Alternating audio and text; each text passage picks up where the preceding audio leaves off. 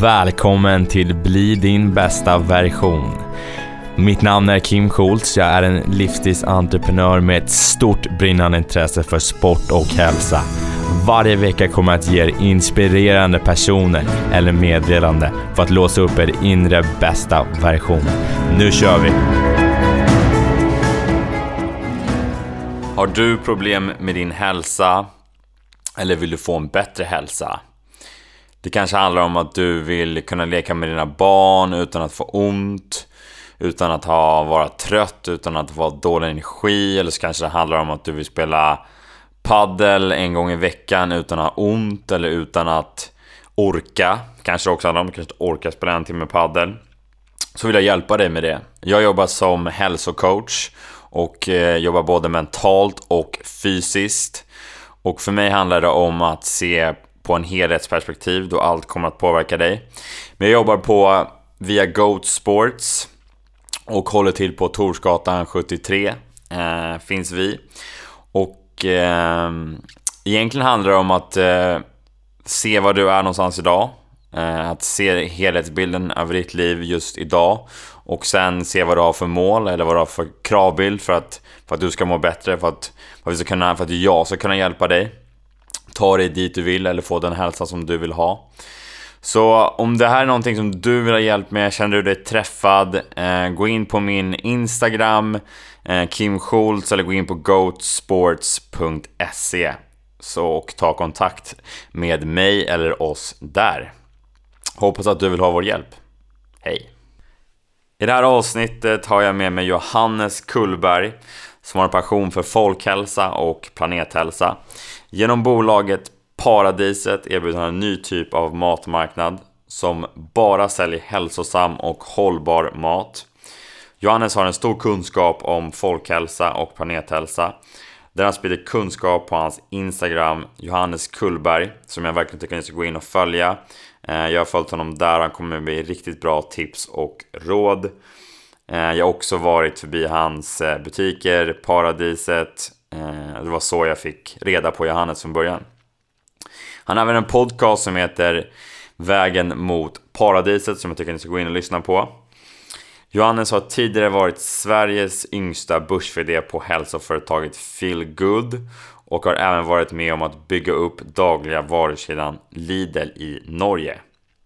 I det avsnittet pratar vi om Johannes resa och livsfilosofi, Paradiset resa och framtid, hur illa ställt det är med den svenska folkhälsan. Vad är skillnaden från ekologisk mat och inom citationstecken vanlig mat? Vilken kost borde tas bort från mathyllorna? Vilken mat borde vi undvika att äta? Samt vilken kost borde vi äta? Att Livsmedelsverket borde ta ett större ansvar när det kommer till matprodukter. Vilka konsekvenser det kan bli om vi äter dålig mat över tid. Utan vidare introduktion, här är Johannes Kullberg. Johannes, då är vi live. Välkommen till podden. Tack så mycket. Hur mår du? Jag mår ganska bra nu tycker jag. Jag eh, har haft, har haft ett år, ett och ett halvt som har varit ganska grisigt. Men nu eh, känns det som att allt hårt arbete, allting börjar liksom, det är lite ketchup-flaskeffekten, allting kommer samtidigt. Så att nu är det fullt ös. Eh, opererade nacken för sju veckor sedan ungefär. Och eh, styrkan är tillbaks i princip 100% nu också, så det är jäkligt skönt. Operera nacken, vad, hur kommer det sig? Vad har hänt? Jag fick någonting som kallas för spinal stenos. Så det är pålagringar på nackkotorna. Och vad det beror på, oklart. Jag har kört mycket kampsport i mina dagar, så en hel del smällar mot huvudet. Ja. Och när du liksom får nacken som åker bak så här så, så skyddar sig kroppen genom att stärka upp. Så det kan vara en sak. Eh, men jag upptäckte, jag hade inte gissat det själv, men jag har fördelen att ha en enäggstvilling. Som eh, också har kört mycket thaiboxning och kampsport. Och han eh, fick plötsligt på sin, vi spegelvända, så att han fick vänster arm och bröstmuskulatur plötsligt tappade styrka och, och volym drastiskt. Eh, och då gick han och gjorde en, en, eh, en, magnetröntgen och då såg man att det var pålagringar på nackkotorna. Så han gjorde en operation då innan sommaren. Och eh, och jag har på min höger arm, som då är några centimeter smalare, eh, men jag trodde att det var alla mina gamla cykelolyckor och sådana här saker. Ja. men, men så då gick jag också och gjorde en, en magnetröntgen och hade jag ju samma sak såklart. Så att det är praktiskt ibland på det sättet. Så, så då går man in bak i nacken och borrar upp de här eh, förträngningarna. Ja. Och sen är det bra. Fan, det låter, det låter scary ändå alltså. ja, det är klart. Man, det, det, är inte, det är inte det bästa. Det är inte det härligaste stället att någon går in och, och borrar. Men Nej. de var proffs, så att, eh, jag känner mig lugn. Känner det, känner det i trygga händer. Ja. Um, men ett och ett halvt år som var lite tuffare. Vad, för de som inte vet, vad, vad har hänt det senaste? Nej, men i, i, i samband med, med covid i, i mars 2020 så hade vi, eh, vi hade precis stängt två butiker som inte gick så bra som de skulle. Och så hade vi två butiker som gick skitbra i NK på Söder. Skulle vi satsa allt på dem och de, den ena var redan lönsam och den andra typ exploderade i samband med covid. Det gick hur bra som helst. Mm. Eh, eller, och även strax innan. Men eh, så vi hade vår sista finansiering som klubbades den 10 mars 2020. 12 mars kraschade börserna. Och då kunde den största investeraren inte gå in med stålar. Så då plötsligt var vi KK på tio dagar. För vi satt extremt tajt med pengar. Vi hade planerat ja. det här i lång, lång tid. Men vi hade ju inte planerat för att covid skulle komma. Så att, ja, det var min, min första konkurs ever och eh, min sista eh, kan jag säga. Men eh, väldigt tufft att eh, liksom bara gå igenom och hantera. Så att, ja. Vad lärde du från den, eh, den tiden då? Massor. Eh, jag brukar säga det att det är liksom...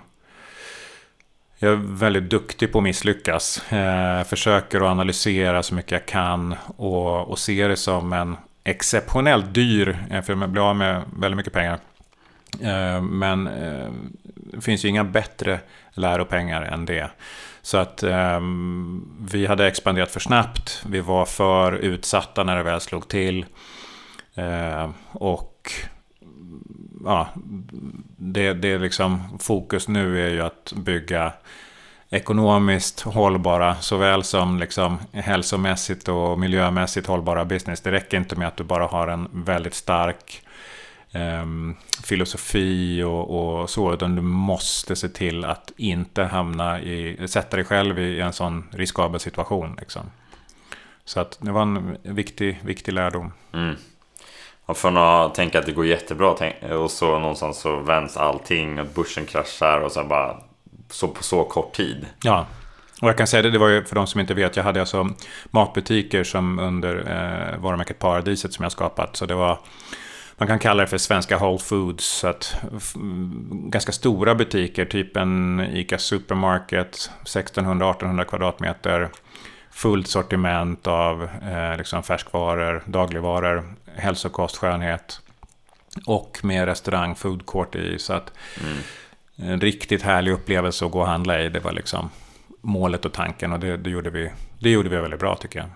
Det tycker jag med. Jag har mm. varit där ett antal gånger. Ja. Eh, både handlat och käkat på restaurangen. Mm. Eh, jag gillade det verkligen. Så det, det är synd att det inte finns fysiskt än så länge, men det finns online, vet jag, eller Ja, vi kommer med en... Um, vi, vi håller på att arbeta med en, en, en, en, ny version. Vi gjorde en kort, det som man kallar för MVP, en, en, en, en liten version online för att se hur den funkar. Så lärde vi oss väldigt mycket. Och sen har vi pausat den för att ta med oss alla lärdomar nu och komma ut med The Ultimate Version som, som släpps någonstans efter årsskiftet. Ja. Ja men det är bra, då kan folk hålla utsikt, eller uts, utsikt, utkik säger man. Utkik, ja. utkik efter, efter det när ja. nya året kommer så att säga. Ja. Eh, men vad, vad tänker du när du upplever jobbiga liksom, tankar, känslor? Jag menar, det här måste ju varit väldigt mycket jobbiga tankar och känslor tänker jag när man går igenom en sån här grej där man någon, jag antar det är liksom din bebis tänker jag, som du byggt upp och, och så händer det här. Mm. Du måste ju... Nej men det är klart, det första är att man blir förbannad på sig själv. Att man, att man lät det hända. Att jag lät det hända. Jag ska, det är spännande, så fort man kommer in i, i, negativa saker om sig själv så börjar man säga man istället för jag. Mm. jag eh, borde ha varit... Eh, liksom, borde ha sett riskerna komma tydligare. Men sen är jag också en jag är en klassisk entreprenör i form av att liksom, allting är möjligt, det finns inga gränser. Eh, fort är, roligare än, än långsamt och stabilt. Liksom. Um, och det kan vara väldigt bra i, i vissa lägen, men, men i det här fallet var det inte det. Mm. Um, så, men, men jag, jag, grät, jag grät på vägen hem från Söderbutiken som var den första. När um, jag berättade för personalen och allihopa. Då, då grinade jag faktiskt i bilen på vägen hem. Och, och sen var det bara att liksom ligga och fundera och sen bestämma sig. Ska jag lägga ner och ta ett jobb? Eh, eller ska jag knyta näven och, och liksom göra om, göra rätt? Och det blev ju det senare liksom. Mm. Vad fick dig att göra det då? Alltså vad var det inom dig som fick Nej det men som du säger, det här är min bebis. Jag har investerat liksom, förutom pengarna, men, men sex år av mitt liv i den här satsningen. 2014 bestämde jag mig, 2015 öppnade jag första butiken.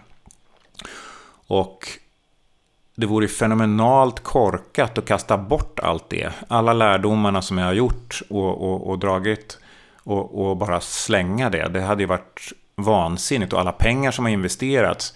När jag startar om från liksom mm, i, i, i 2.0 om man säger så så har jag ju med mig liksom 150 miljoner investerade pengar eh, och, och x antal lyckade och misslyckade satsningar som jag nu kan ha förmånen att liksom cherry pick de bästa sakerna och sätta ihop den ultimata versionen. Mm. Och skulle jag slängt bort det, det, det hade varit korkat. Mm. Tycker jag. Ja, jag håller ju med. Alltså, du, du har ju jag antar, som du säger, att du har lärt dig massor under de här åren. Eh, och du kom, nu har du en chans att kunna göra det ännu bättre. Eh, tänker jag. Och det sköna är också att det hände i en sån här miljö där väldigt många av mina liksom, vänner som då är kockar, restaurangägare eller inom branscher som också då drabbades stenhårt när man tappade 90% av omsättningen över natt. Liksom. Mm. Så att lite skönt är att inte vara ensam i den här situationen. Och eh, hade inte covid kommit, då hade vi haft pengar att kunna fortsätta att driva de här framgångsrikt. Men ja, shit happened och eh, men, men, som sagt, lite skönt att inte vara helt ensam i situationen. Liksom. Mm. Ja, men jag förstår, det är många som har haft det jäkligt tufft med hela covid, alltså, ja. som du säger. Så det, det tänker jag att man kanske finner någon samhörighet eller ja, men man hittar någonting med, med, med alla andra som också haft det tufft. Att ja. det, liksom, jag är inte ensam i det här, det mm. finns flera och det går att resa sig och komma tillbaka. Mm. Tänker jag. Mm. Hur kommer det sig att du blev intresserad av eh, men, hälsosam, ekologisk och hållbar mat? Det var egentligen för att eh, jag har alltid varit intresserad av träning sedan jag var liten. Eh, och sen som med de flesta, du har, inte, du har inte barn ännu, men när man får barn så händer det någonting. Framförallt hos kvinnorna vid första barnet. Män är lite trögare som jag brukar säga.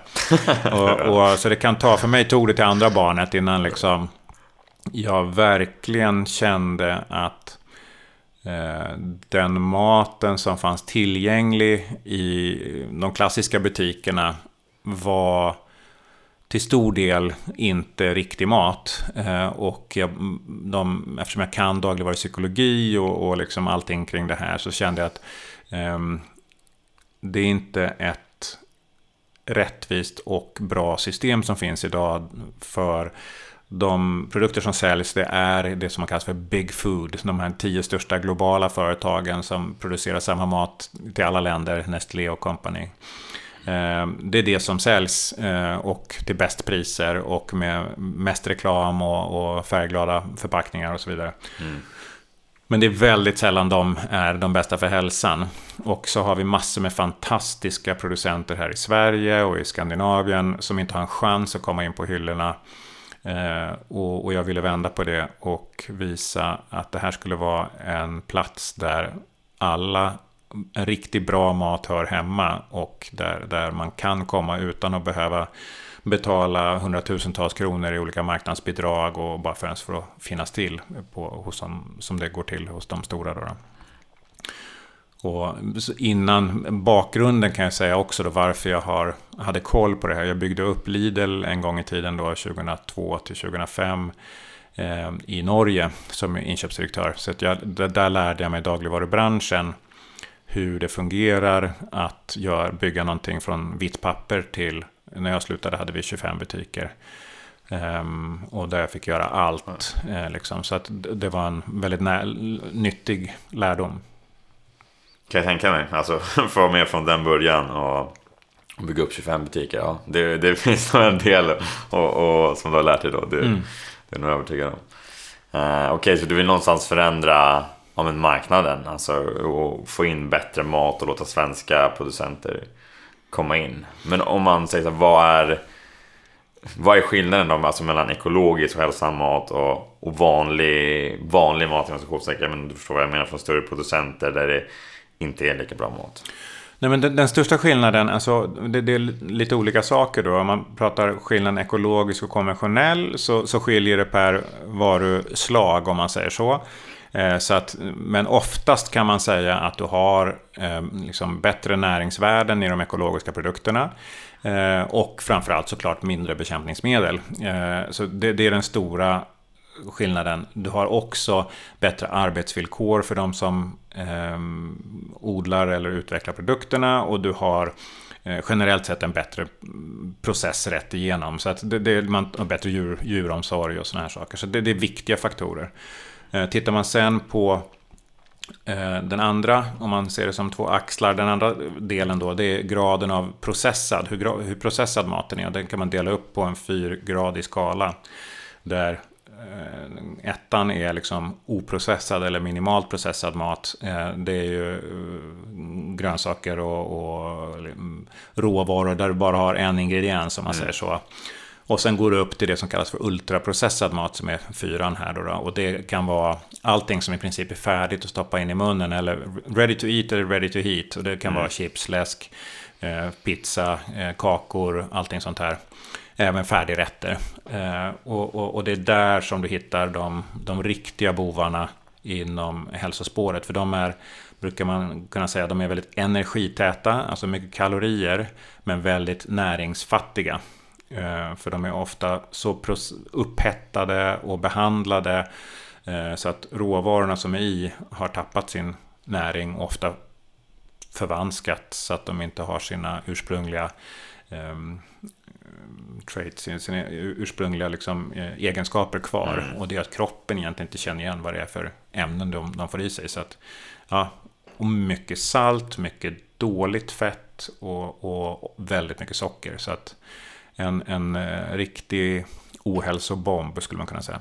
Mm, det låter inte så, så jäkla bra. Nej, men de är snyggt förpackade, ofta med hälsopåståenden, så det är sjukt svårt för konsumenten att veta mm. att de blir lurade. Och de är billiga. Mm. Så att det, det, här är det som gör mig irriterad. Så jag brinner ju för att vi ska ta tillbaka makten över vår hälsa. Det är det som det handlar om, ta tillbaka makten över maten. Mm. Vilken typ av eh, kost borde man äta då? Alltså för, för en bra hälsa och för en, liksom, en hållbar planet någonstans? Man, det, det, enda generella man kan säga, för att full respekt för att man kan eh, välja att äta mer växtbaserat eller eh, mer animaliskt. Men om vi, om vi börjar med hälsoaspekten så, så eh, är det viktigt att äta så oprocessad mat som möjligt, så riktig mat som möjligt. Att du lagar maten själv. Mm. Att du eh, inte köper eh, sånt som är halv eller helfabrikat. Det är den grundläggande regeln. För gör du det så kommer du ha eh, kontroll på hur, vad du stoppar i maten. Liksom. Sen om man ser liksom miljöaspekten, ja, men då är det ju bra att man håller nere mängden kött såklart. Och, och eh, att man väljer produkter med, med liksom lägre vattenfotavtryck som man kallar det för och lägre koldioxidavtryck. Här blir det genast mer komplext. Eh, och, och in i framtiden och redan eh, snart, och det här är något som vi på Paradiset också kommer jobba med, så kommer vi ta hand om alla de här frågorna så du inte behöver ha koll på det själv, för det är en djungel kan jag säga. Mm. Men jag, jag förespråkar ju att man ska äta evolutionärt, alltså så som vi är skapta för att äta. Så det blir mer åt en paleolitisk kost skulle man kunna säga. Men det är lite krångliga namn på egentligen ät riktig mat. Det, det är grunden. Mm. Eh, paleolitisk kost, vad, för de som inte vet, vad, vad är det? Alltså det, det, det, den paleolitiska tiden är alltså stenålderskost. Eh, så, så som vi åt för några tusen år sedan. Mm. Så kött, fisk, ägg, nötter, eh, grönsaker. Eh, ja, inte massor med, med eh, socker, med, med mm, vitt mjöl och, och, och sådana här saker som, är, som inte stoppade oss då. Mm. Varför tror ni på det då? Eller kommer det att du... Nej, jag har, jag har läst väldigt mycket näringslära. Jag är utbildad kost och hälsocoach också. Bara för att det är roligt och eftersom jag ändå läser så mycket. Mm. Och, så att, eh, och sen läser jag väldigt mycket forskning och, och liksom håller mig ajour på området.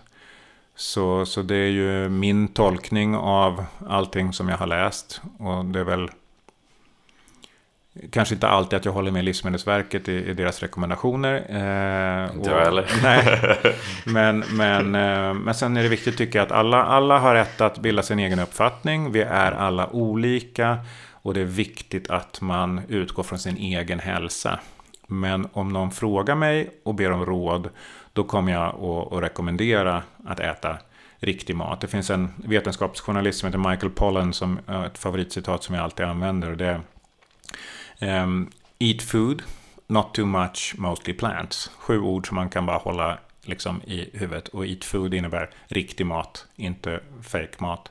Mm. Uh, not too much, så att vi ska inte stoppa i oss, proppa i oss. Utan egentligen ska man äta till att man är en 80% mätt ungefär. Och mestadels växtbaserat. Um, då, är det, då är det bra. Du behöver inte ha, göra det svårare än så. Mm. Ja, det, det låter ju bra. Ibland behöver man ju inte komplicera saker och ting. För det, det kan ju bli som en jävla djungel med alla möjliga olika dieter och hur man ska göra. Alltså det finns ju hur mycket som helst. Ja. Så det kan ju bli, det kan ju bli väldigt komplicerat, men behöver det vara det i frågan? Det Nej, och den här osäkerheten är ju någonting som livsmedelsbolagen tjänar väldigt mycket pengar på. För då är det hela tiden nya saker som gäller och det gör att de kan sälja nya produkter, uppgradera förpackningar, pusha nya säljargument och så kränga mer saker. Mm. Så det, de mår väldigt bra av att det är svårt och komplicerat. Mm. Eh, Men egentligen så skulle du kunna rensa ut extremt många produkter från en dagligvarubutik och bara fokusera på the core stuff. Eh, som mm. skulle vara väldigt enkelt. Mm. Vilka, vilka är, skulle du säga så här, men ta bort det här från Nämna några kanske, jag vet inte hur många du vill nämna, men alltså vilka skulle det vara i sådana fall? Nej, men jag, jag, tycker att man skulle liksom rensa ut hela läsk och energidryckshyllan. Jag tycker man skulle eh, klippa liksom hela chips, fredagsmys-sektionen, lördagsgodissektionen. Eh, liksom, ja, alla de här eh, kakorna och, och knasiga såserna som, som finns med extremt mycket socker dolt i. Hade man gjort det hade man ju åstadkommit väldigt mycket. Det går också att göra genom att införa en, en, en sockerskatt eller att man eh, också tittar på att man punktbeskattar de här ultraprocessade livsmedlen för de går att klassificera. Men ja, folk skulle nog tycka att det var väldigt drastiskt och tråkigt för i Sverige äter vi mest lö, lösgodis, eller godis generellt sett i, mm. i världen. Vi är några av de som dricker mest läsk också. Eh, USA toppar oss och några, några till där på läsksidan. Men, men annars... Inte många alltså. och, sen, och energidryck har ju bara liksom exploderat med alla mm. functional drinks som är ett fenomenalt roligt ord tycker jag på, på eh, ren skit. Ja, funktionell dricka. Mm. Ja, det, det är ju inte så jävla bra trend för Sverige kan man säga. Så att vi käkar mest eh, Nej, och dricker mycket det, läsk. det är det ju inte. Och 2016 så, så gick, gick vi över från att ha majoriteten normalviktiga till att ha majoriteten överviktiga. Och den här trenden fortsätter. Så det är ju, vi följer USAs utveckling, vilket inte är positivt i det här fallet. Nej, det känns som att det går eh, åt fel håll. Ja, det går åt fel håll. Ja, ja precis. Det ja. går åt fel ja. håll. Istället det går åt fel håll istället för åt mm. rätt håll. Det, uh, ja, det känns inte så jävla bra. Nej. Varför tror du att det är så då? Nej, det är solklart. Det, det, makten hos de här stora livsmedelsbolagen. Du måste förstå att Nestlé omsätter mer än Portugals BNP. Det är världens liksom, största företag. Ehm, eller ett av världens största företag. Lite osäker på, på senaste fakta där. Eh, och de har otrolig påverkanskraft och köpkraft i, i reklam och så vidare. Och um, maten är någonting som vi äter varje dag. Um, och det är små, små, små, små förändringar hela tiden som ju bygger över tid en, en ohälsa. Vi kan äta oss starka eller vi kan äta oss sjuka. Och tyvärr så, så följer man den här um, det som får mest reklam så är det ju den näringsfattiga och energitäta maten. Eller matliknande produkterna. Mm. Och om jag bara tittar på hur min femåring, jag har ju tre barn, min yngsta, hon, hon är helt liksom sockertorsk. Eh, för att hon har ju, de, min första Sima, hon, hon visste ju inte vad liksom godis var förrän det började med kalas och sådana här saker. Joar som är tvåan, han växte upp med en, en polsk nanny som vi hade som lagade mat hela tiden. Så han äter bara riktig mat. Eh, men, men eh, testade godis lite senare. Liksom. Och Nina, de yngsta, hon, hon har ju växt upp med att de andra har lördagsgodis. För det får de, liksom, eftersom alla andra har det. Och, och eh, dessutom så kollar de då på, på YouTube som är fullständigt bombad med dold reklam i form av challenges. Och liksom, det kan vara en Oreo challenge eller det kan vara eh, mm. dricka så mycket läsk som går och sånt där. Så det, det är ju oerhört intelligent gjort av de här livsmedelsföretagen som ofta använder samma metod som tobaksbolagen gjorde tidigare. Så att man använder olika sätt för att få ut budskapen en aning subtilt men, mm. men exponeras så, så mycket som möjligt, så ofta som möjligt. Då triggar du hjärnan att, att vilja ha eh, mer av de här produkterna. Ja, shit. Ja, det där har jag sett många sådana challenges som, som många YouTubers håller på med. Käka vissa antal glassar och Oreos och allt möjligt som det. Och jag har också sett mina eh, ja men eh, vad blir det, mina systers barn och mina brors barn titta på sådana här grejer. Eh, och de är ju runt så här, mellan 7 till 13. Mm. Ja, och det är ju så här världens, det tycker de är askul. Jag se på det här liksom. Men jag har inte tänkt på det så. Alltså det, men nu när du säger det så får jag verkligen så här, oj just det, det är ju det är ju vad de förmedlar ut till, ja. till kidsen. Och min son då som, som ju äter fenomenalt. Men nu så har han sett mycket på TikTok. Och då är det ju så här. Då har de här Sour Patch Kids som jag inte visste vad det var förut. Men det är då ett godis som bara säljs på sådana här American Stores. Så hans grej nu liksom, det är att han vill åka till en American Store och köpa liksom, det för mig är ju helvetet på jorden. De säljer bara det sämsta från USA med liksom kemikaliska eh, godisar och ja. absolut sämsta. Och det är hans drömgrej liksom. Så att ja, man blir ju... Eh, jag gråter inombords. Ja, ja, Frustrerande, ja, ja, det förstår jag. Speciellt för, för, dig som ja, är verkligen tvärtom. Det, det, det, är riktigt galet så. Ja. Men vad, vad, tror du kan hända då? Alltså så här, hälsomässigt om vi käkar dålig med oprocesserad, alltså oprocesserad mat. Eh, ultraprocesserad. Ultraprocesserad. Ultraprocessad. Ja, ja ultraprocessad. Mm. Eh, och ja, men, med kemikalier i, vad, vad kan konsekvenserna bli? Alltså om man drar det så långt. Nej men det, det är ju väldigt tydligt. Övervikten är, är ju det, det första. Det, det som du bygger upp där som kallas för metabolt syndrom. Där du får liksom en övervikt, och en eh, högre blodtryck, du får um, um, prediabetes, typ 2-diabetes och, och, eh, alla, alla typer av um, problem som, som kommer av den här uh, typen av kost med väldigt mycket Eh, fett, salt, socker och, och, och, och lite näring. Så att vi, vi blir övergödda men undernärda. Eh, och vi ser en ökad, liksom, eh, många typer av matallergier, eh, intoleranser, autoimmuna sjukdomar som för 50 år sedan var väldigt ovanliga. Och sen 77 så, så klubbade, eh, klubbades de nya matrekommendationerna genom i USA. Där man bestämde att fett, mättat fett var boven och inte socker. Och det här var ju extremt starka lobbyorganisationer som låg bakom. Och från början av 80-talet då ser man hur eh, överviktskurvan sticker iväg i, i USA. Från att övervikt var relativt ovanligt till att det är liksom nu är inte övervikt utan nu är det liksom obesity, fetma eh, som, som eh, tar över och, och framförallt också, eller, även hos små barn med fettlever och sådana saker som vi inte mm, hade sett förut. Så att de, de har levrar som gamla alkoholister. Liksom. Barn har det, alltså. Ja. Det är ju helt... Och det här kommer även i Sverige nu. Ja. Mm. Ja, det är ju... Det är fan inte bra. Alltså, Nej. det är ju åt helvete om jag ska mm. vara helt ärlig. Alltså. Mm. Ja, jäklar. Så det är någonting som jag tycker är värt att, att, att kämpa för. Mm. Det håller jag verkligen med om. Alltså, mm. det, det är vår framtid. Alltså, så här, mm. Det är alltså, en av våra barns mm. framtid. Som, mm. som du säger. Det är ju verkligen... Ja, det är sjukt. Um, jag blir bara fan paff när jag säger det här. Mm. Alltså. Men vad, om man så här, vad, vad, vad käkar du då under en vecka? Jag äter, ja, hade du frågat mig för några månader sedan då hade jag, eh, liksom, då hade jag fastat, eh, vilket jag gjort i, i rätt många år här nu fram till typ lunch. Mm. Eh, eller 11 någonstans. Och sen brukar jag äta en, en um, ganska stor omelett. Uh, och, eller en, en liksom rejäl smoothie där jag stoppar i massor med grönkål och grönsaker och allting sånt där. Så jag får, får i mig det.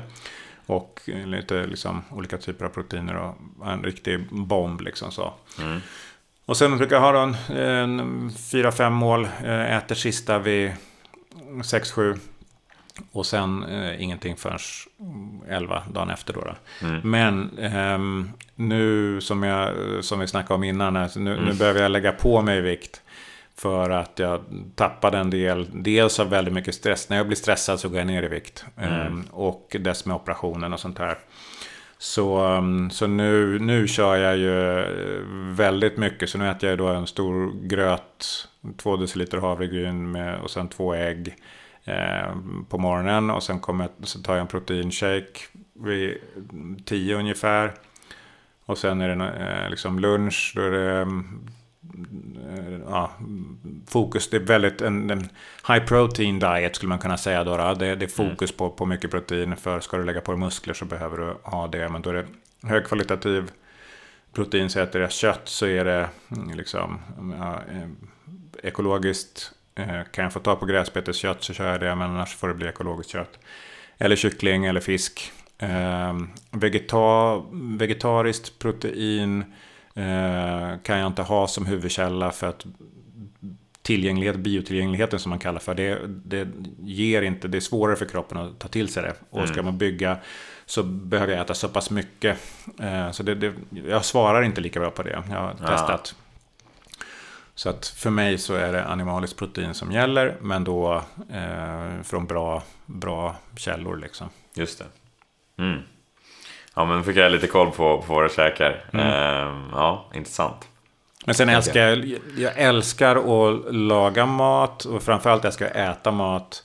Så nu, jag håller, äter ganska lite gluten. Jag är glutenkänslig men inte glutenintolerant. Mm. Men så när jag äter bröd, ja men då är det i så fall ett Eh, liksom. Det gör jag om jag skulle vara på Skeppsbro bageri eller, eller eh, liksom, eh, Sebastian på Söder. Liksom, riktigt bra bröd, eller om jag bakat det själv, surdegsbröd. Mm. Helst av kulturspannmål, sån dinkel, emmer, enkorn. Som är, där har du dels en, en mycket lägre eh, glutenhalt för att de är, har gått åt i, i surdegsprocessen. Och det är en annan form av gluten. Eh, modernt vete har blivit hybridiserat som det heter. Alltså det har avlats fram ja. på ett sätt som vi, vi i kroppen inte riktigt, kroppen känner inte till det och då, då blir det jobbigt för systemet. Men sånt bröd kan jag äta utan problem. Mm. Då får du inga smärtor? Nej, nej jag, får, jag, jag får gas i magen ja. av, av uh, det andra och det är liksom ofelbart. Det tar en halvtimme, en timme och sen liksom går jag runt som en ballong liksom, och det är inte speciellt kul. Mm. Alltså jag tänkte säga gluten, jag vet inte om det... Jag blir såhär rinnig i näsan när jag käkar gluten. Mm -hmm. uh, så här, mycket bröd och så. Ja. Eller jag käkar inte, inte speciellt mycket bröd, men när jag väl tar bröd så mm. blir det så här. Jag, jag har tänkt på det, alltså mm. så här, under längre tid när jag käkar bröd. eh, då börjar det rinna i näsan. Mm. Ja, men det, finns, det finns många olika symptom. Jag kan inte påstå att jag är expert på området, men, men eh, jag har också flera andra saker. Jag känner liksom i tandköttet och sådana saker. Så att, ja. beror på hur rent man äter annars. Ju, ju renare man äter, ju lättare känner man ju de här sakerna. Liksom. Mm. Så, ja, just det. Uh, har du något så superfood, någonting som du säger, det här ser jag som min... ja, alltså jag är ju Eh, väldigt förtjust i benbuljong. Ehm, så det försöker jag få i mig så ofta jag kan. Ehm, och annars Eh, kopplat också vissa, vissa typer av kollagen. Jag har egna kosttillskott som jag kommer att komma ut med sen. Eller paradisets kosttillskott som är liksom... Jag har lagt två år på att liksom hitta de absolut bästa producenterna och grejerna. Så att också någonstans efter årsskiftet så kommer jag börja komma ut med dem. För det är sånt som jag använder själv varje dag och jag vet hur jag mår, jag ser hur, hur min kropp svarar på det. Och, nej, så det, det är riktigt, riktigt bra. Mm, fan vad kul! Eh, grattis får man säga då, i, i förskott. Ja. Eh, och alla som lyssnar, nu, ja, håll utkik. Mm. Verkligen. Vad, vilka kosttillskott tycker du att man borde, borde ta? Det där är alltid en känslig fråga, men, men eh, generellt sett mörk, mörkerhalvåret, D-vitamin definitivt, eh, magnesium, eh, omega-3 skulle jag säga. Det är väl de här tre som jag tycker de flesta behöver komplettera med. Men sen är det helt individuellt. Hur stressad man är, hur aktiv man är, eh, hur man äter. Så att det finns inga generella svar på det tycker jag. Utan mm. Eh, helt upp till i vilken ålder man är, vilken livssituation man är i. Ja, just det. Då kan man typ ta test, jag. Kan vara verkligt. Ja, absolut. Det, det, det, enda sättet att ta reda på vad man faktiskt behöver, det är att göra en, en blodanalys mm. eller en, en hårmineralanalys eller någonting sånt där. För att annars är det bara en guessing game. Liksom. Mm. Ja, men precis. Jag kom på en sak som jag ville fråga tidigare om, fast jag blev så paff när du sa de här grejerna. Jag tänkte på det, men så glömde jag bort det. Eh, men jag tänkte på Eh, de här ultraprocessade grejerna som faktiskt eh, kan ge oss jättestora problem, men som finns i hyllorna. Eh, vad tycker du om, jag tänker så på cigaretter och hur de har så här, men det här kan ge dig lungcancer, det här kan ge dig eh, KOL eller bla bla. Vad tycker du om att något sånt budskap skulle stå på? Jo, det, det är faktiskt rätt roligt. Jag, jag gjorde ett sånt inlägg på mitt Instagram här nu för någon vecka sedan och det blev mitt både mest likade inlägg eh, men också det jag tappade flest följare på. Eh, okay. För det är en känslig fråga. Eh, och anledningen specifikt var att jag eh, jag tog... I, I, San Francisco har man nämligen eh, tagit fram en, en varningstext. Eh, med bilder som man vill sätta på läskburkarna. Mm. Och eh, det här blev sen då en hus i helvete hos lobbyorganisationerna från de stora dryckesbolagen. Så att de lyckades stoppa lagförslaget. Men jag tog de bilderna eh, och så översatte jag varningstexten på svenska och sen så klistrade jag in det på liksom, burkar så satt jag en bild av det.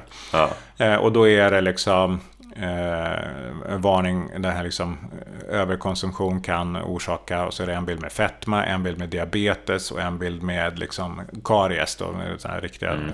tandröta. Och eftersom jag då inte hade skrivit diabetes 2, för att diabetes typ 1 är en autoimmun sjukdom, det kan du inte få av att du äter eller dricker dåligt. Så ja. det, det, är inte, det kommer av helt andra, eller man vet inte vad orsaken är, men det är inte livsstilen i alla fall. Och eh, typ 2 så är ju livsstilen en, en, stor påverkande faktor, men också din ärftlighet. Så, men mm. jag borde då ha skrivit att det var diabetes 2, för jag fick en enorm reaktion från då föräldrar som har barn med diabetes typ 1 och tyckte att jag anklagade dem. Ah. Så att ja, det, är ett väldigt känsligt ämne. Ah. Eh, och jag har väldigt bra koll på, på diabetes men det var folk som då trodde att jag inte fattar någonting och, och sånt där. Så jag tappade kanske 200 följare på, på, på det inlägget men jag fick en 8 500 eh, likes liksom. Så vilket mitt mesta innan hade nog 5 5,5 så att det var ganska markant. Mm. Så jag tror att det, jag tycker fortfarande att det är en väldigt, väldigt bra grej. Varför inte? Det, mm. det har eh, extremt negativa hälsoeffekter. På med skiten. Mm. Och lägg på sockerskatt också. Mm. Nej, alltså om jag ska, jag håller Jag tänker också det. Alltså jag tycker det. Mm. Varför inte det? Alltså det, det, är ju så pass stort problem. Alltså, och vi, jättemånga intar det jätteofta. Alltså, ja. det är så här, då borde man veta konsekvenserna. Alltså, man kanske innerst inne vet det. Inte barn tror jag inte, men kanske några äldre. Alltså, jag, tror, jag, tror, jag tror de flesta vet det. Det är ja. inte så att... det här är viktigt. Folk är inte dumma eller korkade eller okunniga. Nej. Men eh, det kan vara bra att haja till lite eh, på samma sätt som att det finns på cigarettpaketen. Det är inte så att folk inte vet att det är farligt nej, att röka. Nej, men du får en liten negativ förstärkning som gör att du kanske tänker till. Mm. Och, och, och det, är liksom, det är därför den ska sitta där. Det är inte för att folk inte fattar överhuvudtaget. Mm. Men, ja. men en påminnelse. Ja. ja. Ja, men det tycker jag. Det har du helt rätt i. Definitivt. Det är som så här, jag brukar säga det. Alltså, de flesta människor, eller alla människor vet inte vad man behöver göra. Men problemet är faktiskt att göra det. Mm. Man vet att man borde sova åtta timmar. Man vet att man borde käka ekologisk hälsam mm. mat. Man vet att man borde gå ut och få röra på sig. Alltså, du vet alla de sakerna mm. oftast. Uh, men sen, har man. Eh, sen, sen så är det viktigt att också vara tydlig med att alla har inte förutsättningarna att göra det här. Och det är ju så att är du en singelmorsa i ett område med, med liksom där du kanske, du kanske har två jobb eller kanske måste ha tre jobb för att få, få det att gå ihop. Eh, och du har inte tid och du har liksom inte de ekonomiska resurserna att välja ekologiskt framför konventionellt. Och du kanske inte ens har eh, möjligheten att välja något annat än, än snabbmaten för att det var liksom din lön räcker till. Det här är en verklighet för liksom rätt många svenskar. Så där spelar det inte så stor roll. Eh, för även hon eh, i det här fallet då, då vet till stor del, det här är, kosten är en utbildningsfråga. Och med utbildning så sitter det ihop med klassfråga. Och, och, så många vet, men eh, i vissa fall har man, har man inte kollen. Men, men den största faktorn tror jag är liksom begränsningen i vad man anser sig ha råd med och ha tid till. Mm. Så att där gäller det då att börja titta på, okej, okay, kan jag lära mig att laga mat från grunden själv på ett tidseffektivt sätt med råvaror som är billiga så att jag har råd med det. Ehm, och pallar jag liksom. Mm. För testa själv när du har tre skrikiga ungar, du får inte sova tillräckligt. Du är orolig över hur ekonomin ska stå och gå ihop.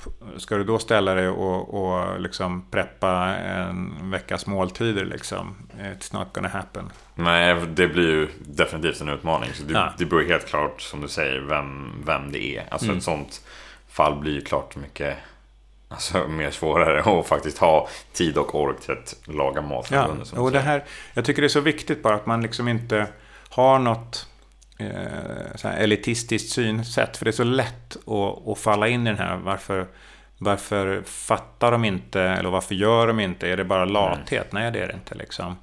Det, det ena är att, liksom, det som jag var inne på med, med tillgänglighet, resurser och så vidare. Men sen har du en annan faktor att de här ultraprocesserade produkterna är till stor del designade också för att skapa maximal belöning. Eh, i form av kombinationen hur de eh, ingredienserna med fett, salt, socker och så vidare som kommer att gå rätt in eh, och, och skapa maximal dopaminkick som är den här njutnings mm. hormonet. Ja, så att du blir, liksom, du blir också beroende av den här typen av mat. Och den är inbyggd att du vill käka mer. Det finns mycket forskning på det här som visar att du kommer att snitta över 500 kalorier mer om du äter ultraprocessad mat kontra minimalt processad mat. 500 kalorier per dag är ganska mycket. Mm.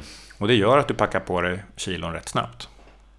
Så det är många faktorer som, som väger in. Mm. Och det är komplexa frågor. Eh, så att det, det räcker inte med små enkla åtgärder eller tips eller liksom skärp dig. Den mm. funkar inte. Mm. Nej, exakt. Man måste ju ta hänsyn till alltså, hela livsstilsfaktorerna. Mm. Eh, det är sådana saker påverkar ju definitivt. Mm. Absolut. Viktigt och bra att säga det. Eh, på tal om frågor, vilka frågor brukar du ställa dig själv? Um, en av de viktigaste är väl kan jag, liksom, hur gör jag för att komma ner i varv? Uh, jag mäter ju min hälsa dagligen, min sömn och, och liksom min hjärtfrekvensvariabilitet som är ett väldigt tydligt tecken på hur min eh, balansen mellan sympatiska och parasympatiska nervsystemet, alltså hur mycket befinner jag mig i, i stress eller vila. Mm. Och då har jag en sån här ring som kallas för Aura-ring som är, mäter det, eh, framförallt på natten. Nu kommer en ny version snart som kommer mäta på dagen också.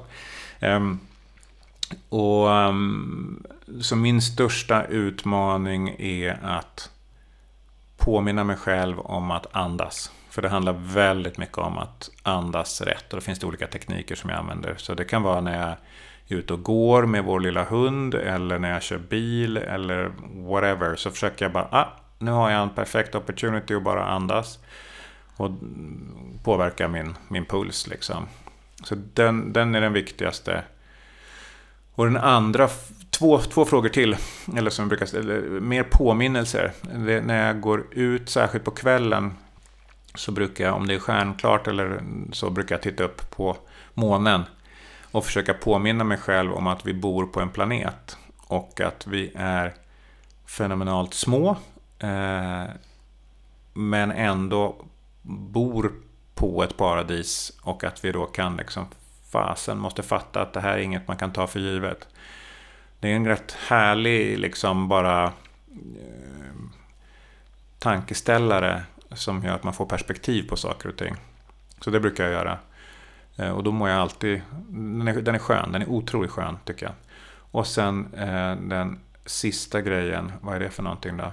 Egentligen bara med, med mina barn, att försöka påminna mig liksom dagligen att ge så mycket kärlek som möjligt och att ibland så kan man bli väldigt irriterad, särskilt om man har två av dem som håller på och ligger i luven med på varandra hela tiden. att försöka att inte vara kort i tonen och, och eh, en hård pappa. Jag, jag, kan lätt ta en lite mer så här hård, eh, få, få en väldigt hård röst när jag blir stressad eller irriterad. Och det försöker jag bara tona ner. Lite alfahane. ja, men ja, det är det väl. Och, och, jag är glad att jag lämnade Lidl på den tiden. Jag ska säga att Lidl tycker jag är ett fantastiskt bra företag idag. På den tiden så var det, jag jobbade nere i Tyskland mycket och där är det skrika högst som gäller. Och, och eh, man var slätrakad och, och liksom eh, ja, riktigt militärt. Mm. Och det funkar väldigt bra för mig. Jag trivs väldigt bra i en sån miljö. Men jag blir också lätt en sån typ av person, så då måste jag försöka dämpa det. Mm, jag förstår. Eh, vilka frågor tycker du att folk borde ställa sig själv? Jo, en väldigt, den som jag glömde som jag också försöker göra, det är Har jag funderat på att jag kommer att dö? Den är kanske lite ovanlig. Mm. Men jag tror att vi människor skulle må väldigt bra att tänka mycket mer på döden. För det är så tabu i, i framförallt i västvärlden idag. Döden är något som man får inte ens liksom fundera på. Det är så läskigt, det ska bara skjutas bort, vi ska helst vara odödliga. Men ju mer man tänker på döden, som också på ett vilsamt sätt, liksom, att det, det inte det behöver inte vara slutet, men, men framförallt vi kommer att dö. Det kan man vara väldigt säker på. Och bara se till, vänta nu här, okej, okay, jag vet inte riktigt när jag kommer att dö. Förhoppningsvis är det ganska långt fram. Men om jag kan ha det som perspektiv, på samma sätt som den här med månen som vi brukar ha. Men de två sakerna är fenomenala Ställare som kan göra så att ja, men det här bråket jag hade med min fru nu, det är ganska futtigt i sammanhanget. Liksom. Skärp dig nu Johannes och, och tänk på att försök att rädda den här dagen istället. Så har du en dag till på pluskontot av alla dagar som är kvar. Så att jag tycker det är ganska smutt att bli kompis med döden. Um, ja, den tror jag är den viktigaste. Mm. Det tror jag jag håller med dig. Alltså för döden får ju en att ge perspektiv egentligen på vad som, vad som är viktigt Mm. och vad man vill göra. Och så börjar man tänka på döden. Eller så här, har man fått någon nära döden upplevelse så brukar man ofta säga bara oj shit, det här kunde vara slutet. Och så här, Då börjar man titta tillbaka. Hur har jag levt tidigare? Och shit, de här grejerna har jag gjort. Hur fan har jag betett mig då? Men vad är egentligen viktigt då? Sen, brukar vi, sen glömmer vi det här så jäkla fort. Ja. För att sen blir du frisk eller så, sen gick det, gick det över om man säger så. Då. Och så hamnar du i samma ekorrhjul. Och det är därför som jag tycker, försök att tänka på döden.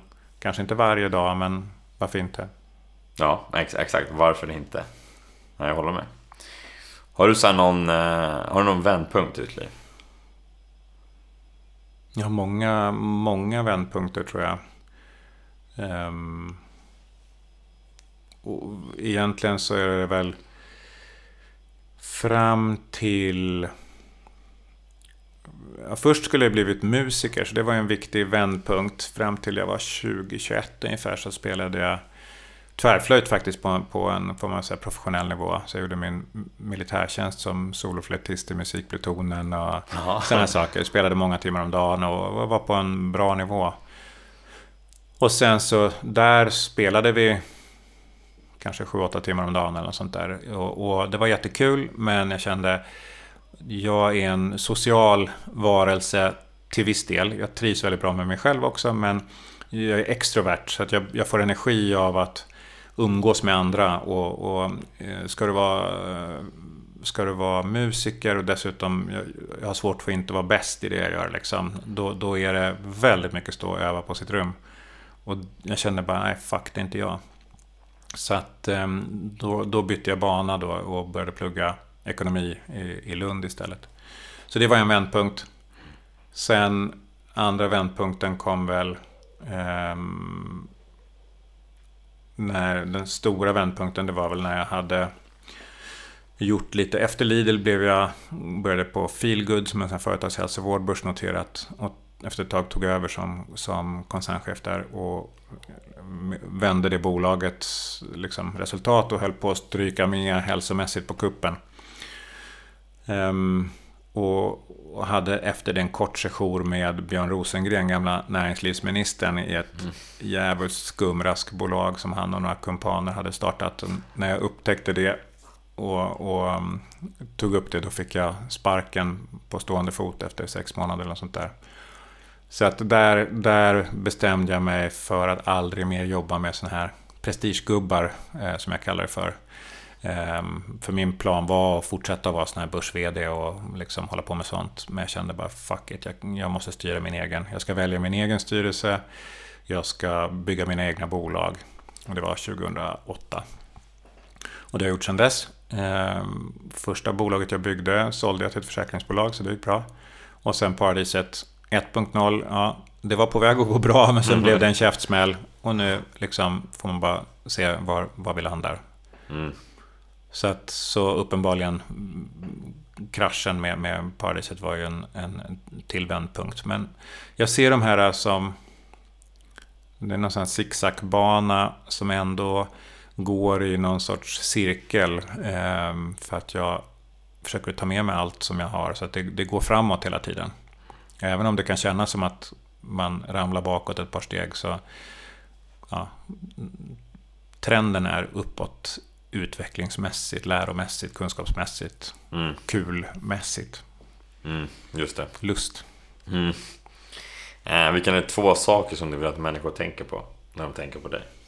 Om de tänker på mig, Mm. ehm, att jag är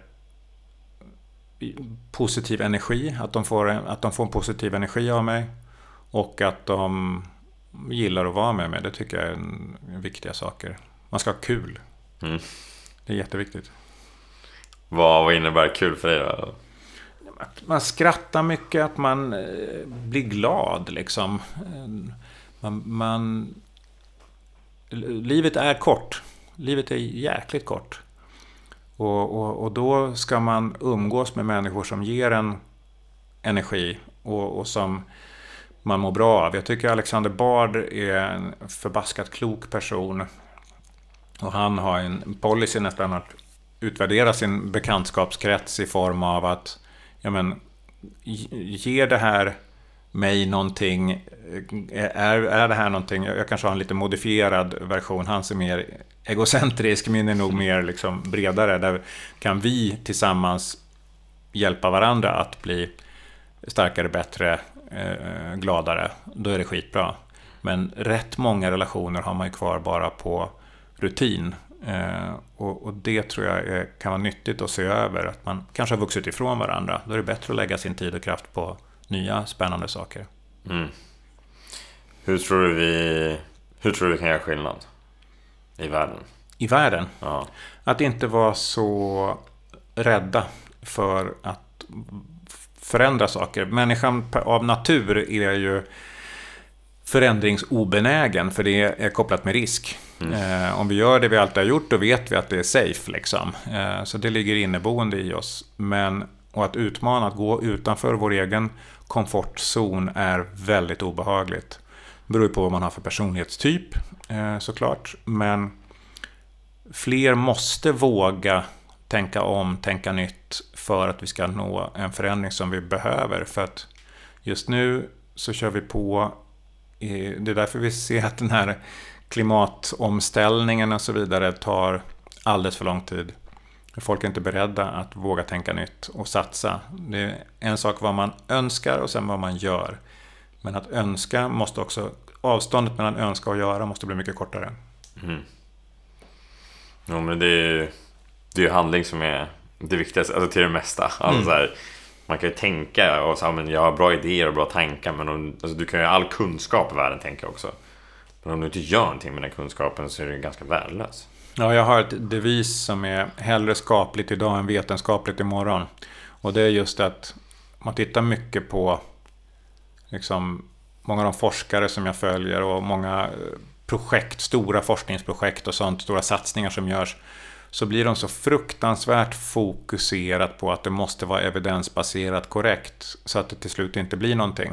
Mm. Då är det bättre att göra det 80% rätt och att det händer nu eh, lite fel, men då korrigerar man. Eh, och det är så som Lidl faktiskt arbetar, vilket jag tycker är fenomenalt bra, vilket har gjort att de har blivit världens största hard discounter. Eh, och många fel på vägen, men snabb. Man, man fail fast, man misslyckas mm. snabbt och sen så kör man, kör man vidare. Mm.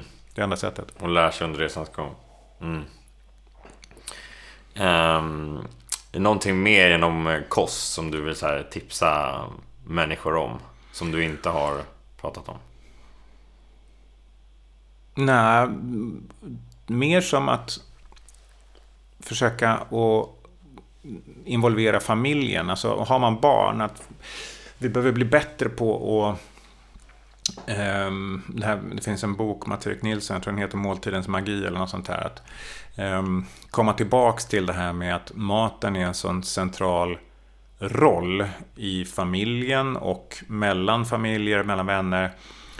Och, och bara komma ihåg det, ta bort alla jävla skärmar. Uh, ge barnen små uppgifter så att de får kanske vara med i butiken och välja sina grönsaker eller sånt här så att man är, gör det till ett familjeprojekt om man kan. Så blir allting så mycket roligare. Eh, det är inte så lätt i början, eh, men det är en bra sak. Så det handlar inte så mycket mer om vad man äter liksom i detaljnivå, men hur man äter är också viktigt. Och också det här kanske med att vi har kommit så långt ifrån maten idag. Alltså det vi ser i... Vi ser en köttbit. Vi har ingen aning om hur den är producerad. Eh, och då är det bara priset som, som skiljer. Så då, då folk kan välja en bit från Brasilien bara för att den är billig. Eh, men man har ingen aning om alla negativa konsekvenser som den har med. Eh, du, jag brukar prata om en osynlig prislapp. Du betalar ett lågt fysiskt pris men du betalar väldigt högt för alla andra konsekvenser i form av skövlad regnskog, ökad användning av bekämpningsmedel, eh, djurvälfärd, eh, antibiotikaanvändning och så vidare. Och så vidare. Mm. Så att jag är inte så mycket för att hålla på och säga att alla ska äta grönkål eller alla måste äta liksom moringapulver om vi ska liksom nörda ner och så. Det, det är inte det det handlar om. Utan laga mat från grunden. Brasilien har kostråd som togs fram 2014 som jag tycker är briljanta. Man har lämnat helt den här nutritionistiska perspektivet, det vill säga liksom, ja men du måste ha x procent kolhydrater, x procent protein och så vidare. Fuck that. Det handlar om att handla riktig mat, laga mat tillsammans, ät tillsammans, eh, så lite ultraprocessat som möjligt, så mycket riktig mat. Och det är typ kostråden. Och det är magnifikt. Och de infördes, eh, det är samma forskare, eh, Monteiro tror jag han heter, som, Carlos Monteiro, som, som tog fram definitionen av den här fyrgradiga skalan av hur processad maten är. Mm. Och Brasilien har fått en väldigt bra utveckling. De bröt en trend av eh, väldigt kraftigt stigande fetma eh, när man införde det här. Det här fattar folk. Istället för svenska Livsmedelsverket som är så magiskt hopplöst trötta och, och dåliga. Eh, vilket jag står för. Mm. Ja, cred att du gör det. Jag, jag, jag gillar dem inte heller. Jag är inte så största fan av dem. Det kan jag absolut säga. Mm. Um, vad tror du är vägen framåt då? Alltså för Sveriges trend går, går åt fel håll, mm. som vi har konstaterat. Vad, vad är vägen framåt? Nej, men jag tror att vi behöver bli duktigare på att hjälpa människor att göra det lätt att äta rätt. Det, och idag finns det eh, väldigt mycket kunskap. Vi i Sverige är väldigt duktiga på teknik. Eh, och det finns stora möjligheter när du matchar ihop AI med liksom all, alla olika typer av informationsdatabaser och produktinformation som finns för att göra det mycket lättare. Personalisera eh, kosten utifrån ens egna behov. Så det här kommer. Det, det, det händer redan nu. Och det kommer att göra stor skillnad.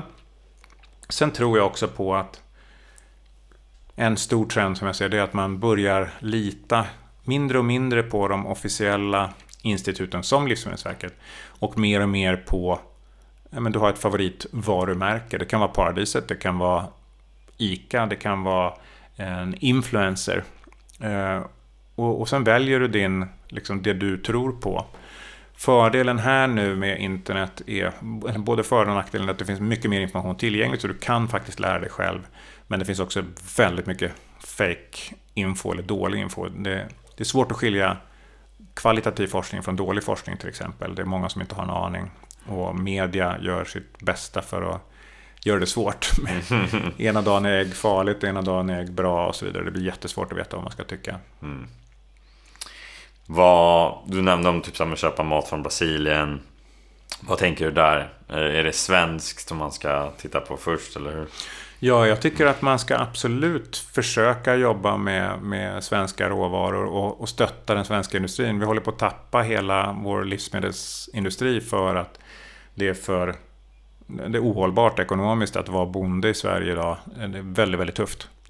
Eh, det är några, några som klarar sig, men, men eh, det är i den här konkurrensen där du knappt kan komma ut i dagligvarubutikerna kanske till din lokala butik, men, men det kan vara väldigt svårt. Och framförallt när man då tävlar med där maten ska vara så billig som möjligt. Ehm, då blir det extremt svårt. Så jag kommer göra och, och, och gör allt jag kan för att stötta svenska producenter. Sen finns det ju vissa produkter som inte finns i Sverige och det, det är fine. Där handlar det om att, att hitta bästa, bästa alternativen. Men absolut, det som vi kan odla i Sverige, det som vi kan producera i Sverige tycker jag vi ska göra. Eh, och det måste få antingen kosta lite mer eller att vi gör som Norge, att man eh, inför tullar på allting som inte gynnar norsk industri. De är mm. lite roliga norrmännen, men, men eh, ja. I, I princip kan man ju tycka att de har rätt. Sen kan det, som i deras fall, går det ju slå det helt snett där de skapar eh, väldiga obalanser. Men, mm. Vad tänker du kring eh, så säsongsbaserad mat?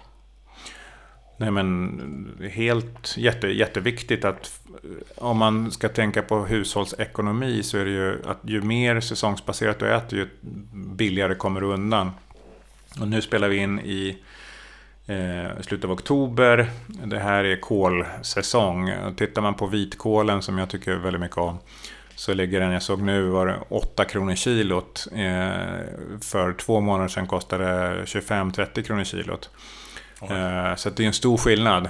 Eh, och att handla i säsong, du får också mer, liksom, det är bättre näringsvärden på, på produkterna för att de, man plockar dem i sin peak, att de inte har legat, då, legat på lager eh, Mm. för länge. Så det tycker jag är jätteviktigt. Men annars kan man inte göra det så kan man använda fryst, handla fryst.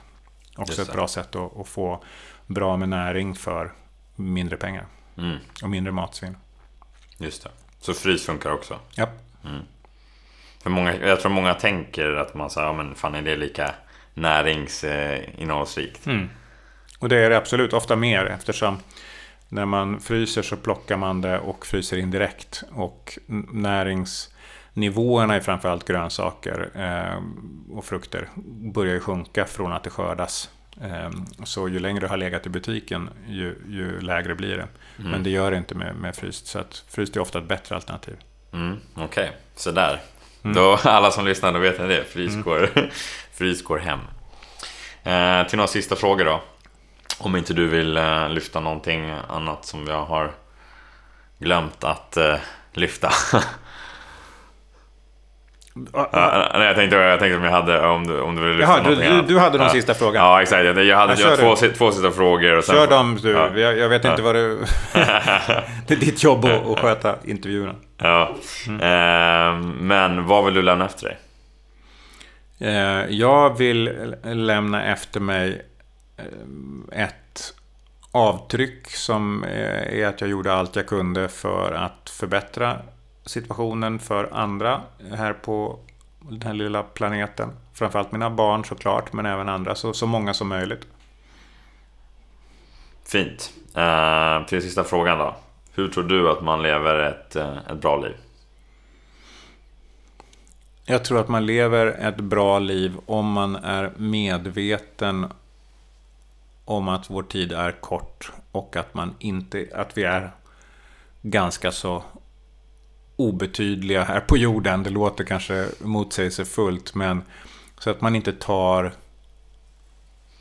allt småskit på för stort allvar, utan kan försöka foka på att njuta eh, så mycket det går och, och liksom mer man brukar prata om mindfulness, men jag tror att en bättre definition är nowfulness. Eh, en kompis till mig som sa, att jag tycker det är smart. Eh, här och nu, det är nu det händer. Eh, en annan person jag intervjuade, väldigt klok tanke liksom. Här och nu, det är det enda som existerar. Framtiden finns inte, historien har varit, finns inte, det är här och nu. Och därför den här nowfulness är ett ganska bra ord. Kan vi börja tänka mer på det? Vi kan inte påverka resten ändå, så make the most of it. Gör, gör det mesta du kan av här och nu. Då tror jag att man mår ganska bra. Nowfulness, det tar jag med mig. För den, den är, jag har ju hört här och nu, men jag har inte hört var, Nej, den är rätt bra. ja. Tack så mycket för att du var med. eh, Och tack för ett, eh, ett ärligt, ett intressant samtal. Och eh, cred för att du säger verkligen vad du tycker. Och vågar hänga ut livsmedelsmärket. Det tycker jag... Ja. Många skulle inte... Eller hänga ut, men så här, Många skulle inte vilja säga det. Och det tycker jag är... Ja, det, är det, det är det jag minst orolig för. Men nu är jag 47 år gammal. Jag orkar inte hålla på och vara ängslig. Utan man måste stå för det man tycker. Och säga något som folk blir upprörda över. Då lyssnar jag gärna. Eh, tar till mig. Och sen kan jag fortsätta att tycka det jag tyckte. Eller så kan jag påverkas av det och inse att nej, men jag kanske hade fel. Fantastiskt, då har jag lärt mig något nytt. Mm. Gillar det också. Att man... eh, Ja, men det är viktigt att stå för det man tycker. Alltså jag tycker att det... det varför ska man inte göra det? Då sitter man ju och håller ner på sig själv, trycker ner sig själv istället för att eh, då ska man hålla med alla andra. Men, Men också, massa- också vara prestigelös. För det är det här, så länge som du inser att din sanning inte behöver vara den enda sanningen. Mm. För det blir också väldigt stökigt. Ehm, sen behöver man inte kompromissa om allt och, och så vidare. Men öppenheten för att jag kan ha fel Mm. är ganska nice. Det, är- det är en jäkligt bra syn, eh, synvinkel att ha på också. Att våga vara öppen för att jag kanske inte har rätt, men jag tror på det här nu, men det kanske ändras. Det är också en... Det är nog viktigt att ha det, det tankesättet. Mm. jag tror det. Ja, jag ser fram emot Paratid 2.0 kan jag också säga. Eh, Om man vill följa dig och och din resa, vad, gör man det någonstans? Då gör man det på Instagram, på Johannes Kullberg, Kullberg med C. Eh, man kan lyssna på min podcast Vägen mot paradiset. Och eh, lite grann på YouTube. Helgtips, eller veck, nej, Helgtipset är ett tv-program som kommer sen. Mm. Hälsotipset med Johannes Kullberg. Så. Ja. ja, men jättebra. Tack så mycket för, för idag. Tack. Vad tyckte du om det här avsnittet? Vad tar du med dig från det här avsnittet? Finns det någonting som du kommer att implementera i ditt liv av det vi pratar om, eller mest som det Johannes pratar om, där han delar sin kunskap och eh, kring hälsosam och hållbar mat. Finns det någonting där som du kan förändra i ditt liv? Ehm, det är frågan som jag tycker att du borde fundera på eller reflektera över. För jag vill att du tar med dig någonting från varje avsnitt.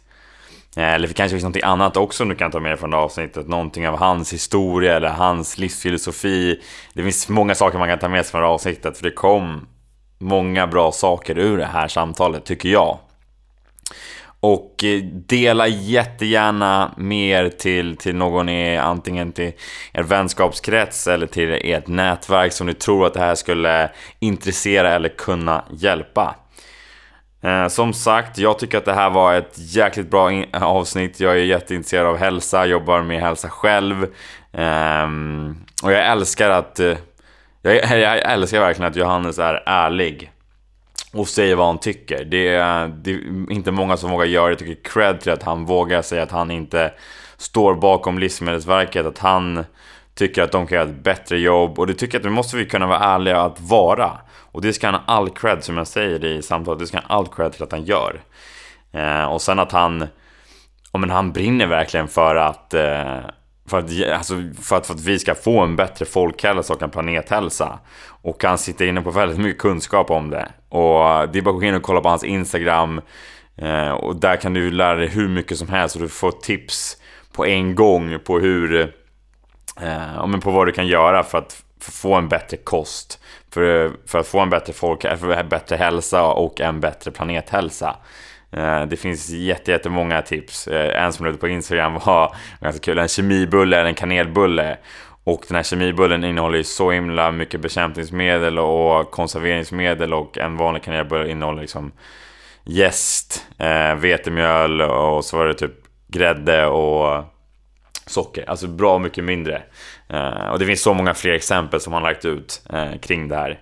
Och jag tycker också det är bra att han pratar om att här, de här etiketterna som vi pratar om som finns på cigaretter, det ska finnas på, på, ja, men, eh, på egentligen matprodukter som är eh, farliga för vår hälsa. Varför ska det inte finnas tycker jag? Det borde man bli medveten om också. Man är säkert medveten om det, men att här, det ska bli en påminnelse som Johannes säger. Att det handlar om att det ska vara en påminnelse. Eh, och sen med sockerskatt tycker jag inte heller är fel. Jag tycker att det är helt rimligt. Varför ska inte sådana produkter vara dyrare också om de är dåliga för oss? Sen har vi såklart ett val också att bli medvetna om. Så det, vi har ju ett ansvar, eller ja, vi har ett eget ansvar som konsumenter. Eh, men jag tycker inte att det är fel. Eh, sen är hans resa med överhuvudtaget med, med Paradiset, att han inte ger upp. Det finns en vilja att han vill förbättra. Eh, verkligen våran hälsa och planethälsan. För det, eh, det kan inte vara lätt det han har gått igenom. Eh, med det att det har gått bra och så över liksom tio dagar kommer corona och allting kraschar. Och, men jag ser fram emot Paris 2.0. Eh, det släpps ju som sagt tills nästa, nästa år. Så håll utkik efter det. Och eh, låt både mig och Johannes veta vad du tyckte om det här avsnittet. Connecta med oss på sociala medier. Johannes Kullberg. Eh, Kim Schultz och glöm inte att prenumerera på podden. Eh, hoppas ni får en grym vecka och eh, ha det bäst. Hej!